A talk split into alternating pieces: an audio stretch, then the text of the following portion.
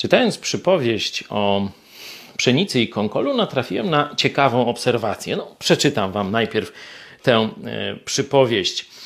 E, znacie ją, także już tylko wyjaśnienie. To jest 14, 13 rozdział Ewangelii Mateusza. Jezus wyjaśnia tę przypowieść. Rolą zaś, rola zaś to świat, a dobre nasienie to synowie królestwa. Konkol zaś to synowie złego, a nieprzyjaciel, który go posiał, to diabeł, a żniwo to koniec świata, żeńcy zaś to aniołowie.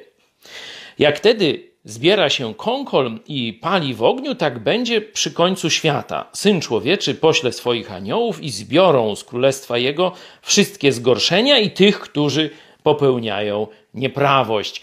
No, tu już mamy odpowiedź na pytanie, kiedy skończy się zło na świecie. No właśnie wtedy, ale na co innego chciałem zwrócić uwagę.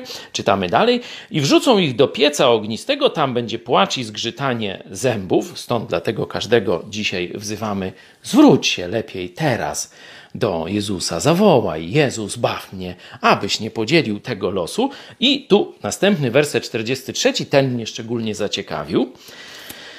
Wtedy sprawiedliwi zajaśnieją jak słońce w królestwie Ojca swego. Kto ma uszy, niechaj słucha. Często myślimy, że tu na ziemi zło triumfuje, dobro, ludzie dobrzy no są gdzieś pomijani, zapominani i tak dalej. Tak to prawda. Konkol często e, triumfuje tutaj na ziemi, zagłusza pszenicę. Ale jest koniec, jest sprawdzam, przyjdą żniwa. I wtedy, no, konkol widzieliśmy, ale dla nas jest tu piękna obietnica. Wtedy sprawiedliwi zajaśnieją jak słońce w królestwie Ojca Jezusa. To jest przyjemna perspektywa. Żyj nią dzisiaj.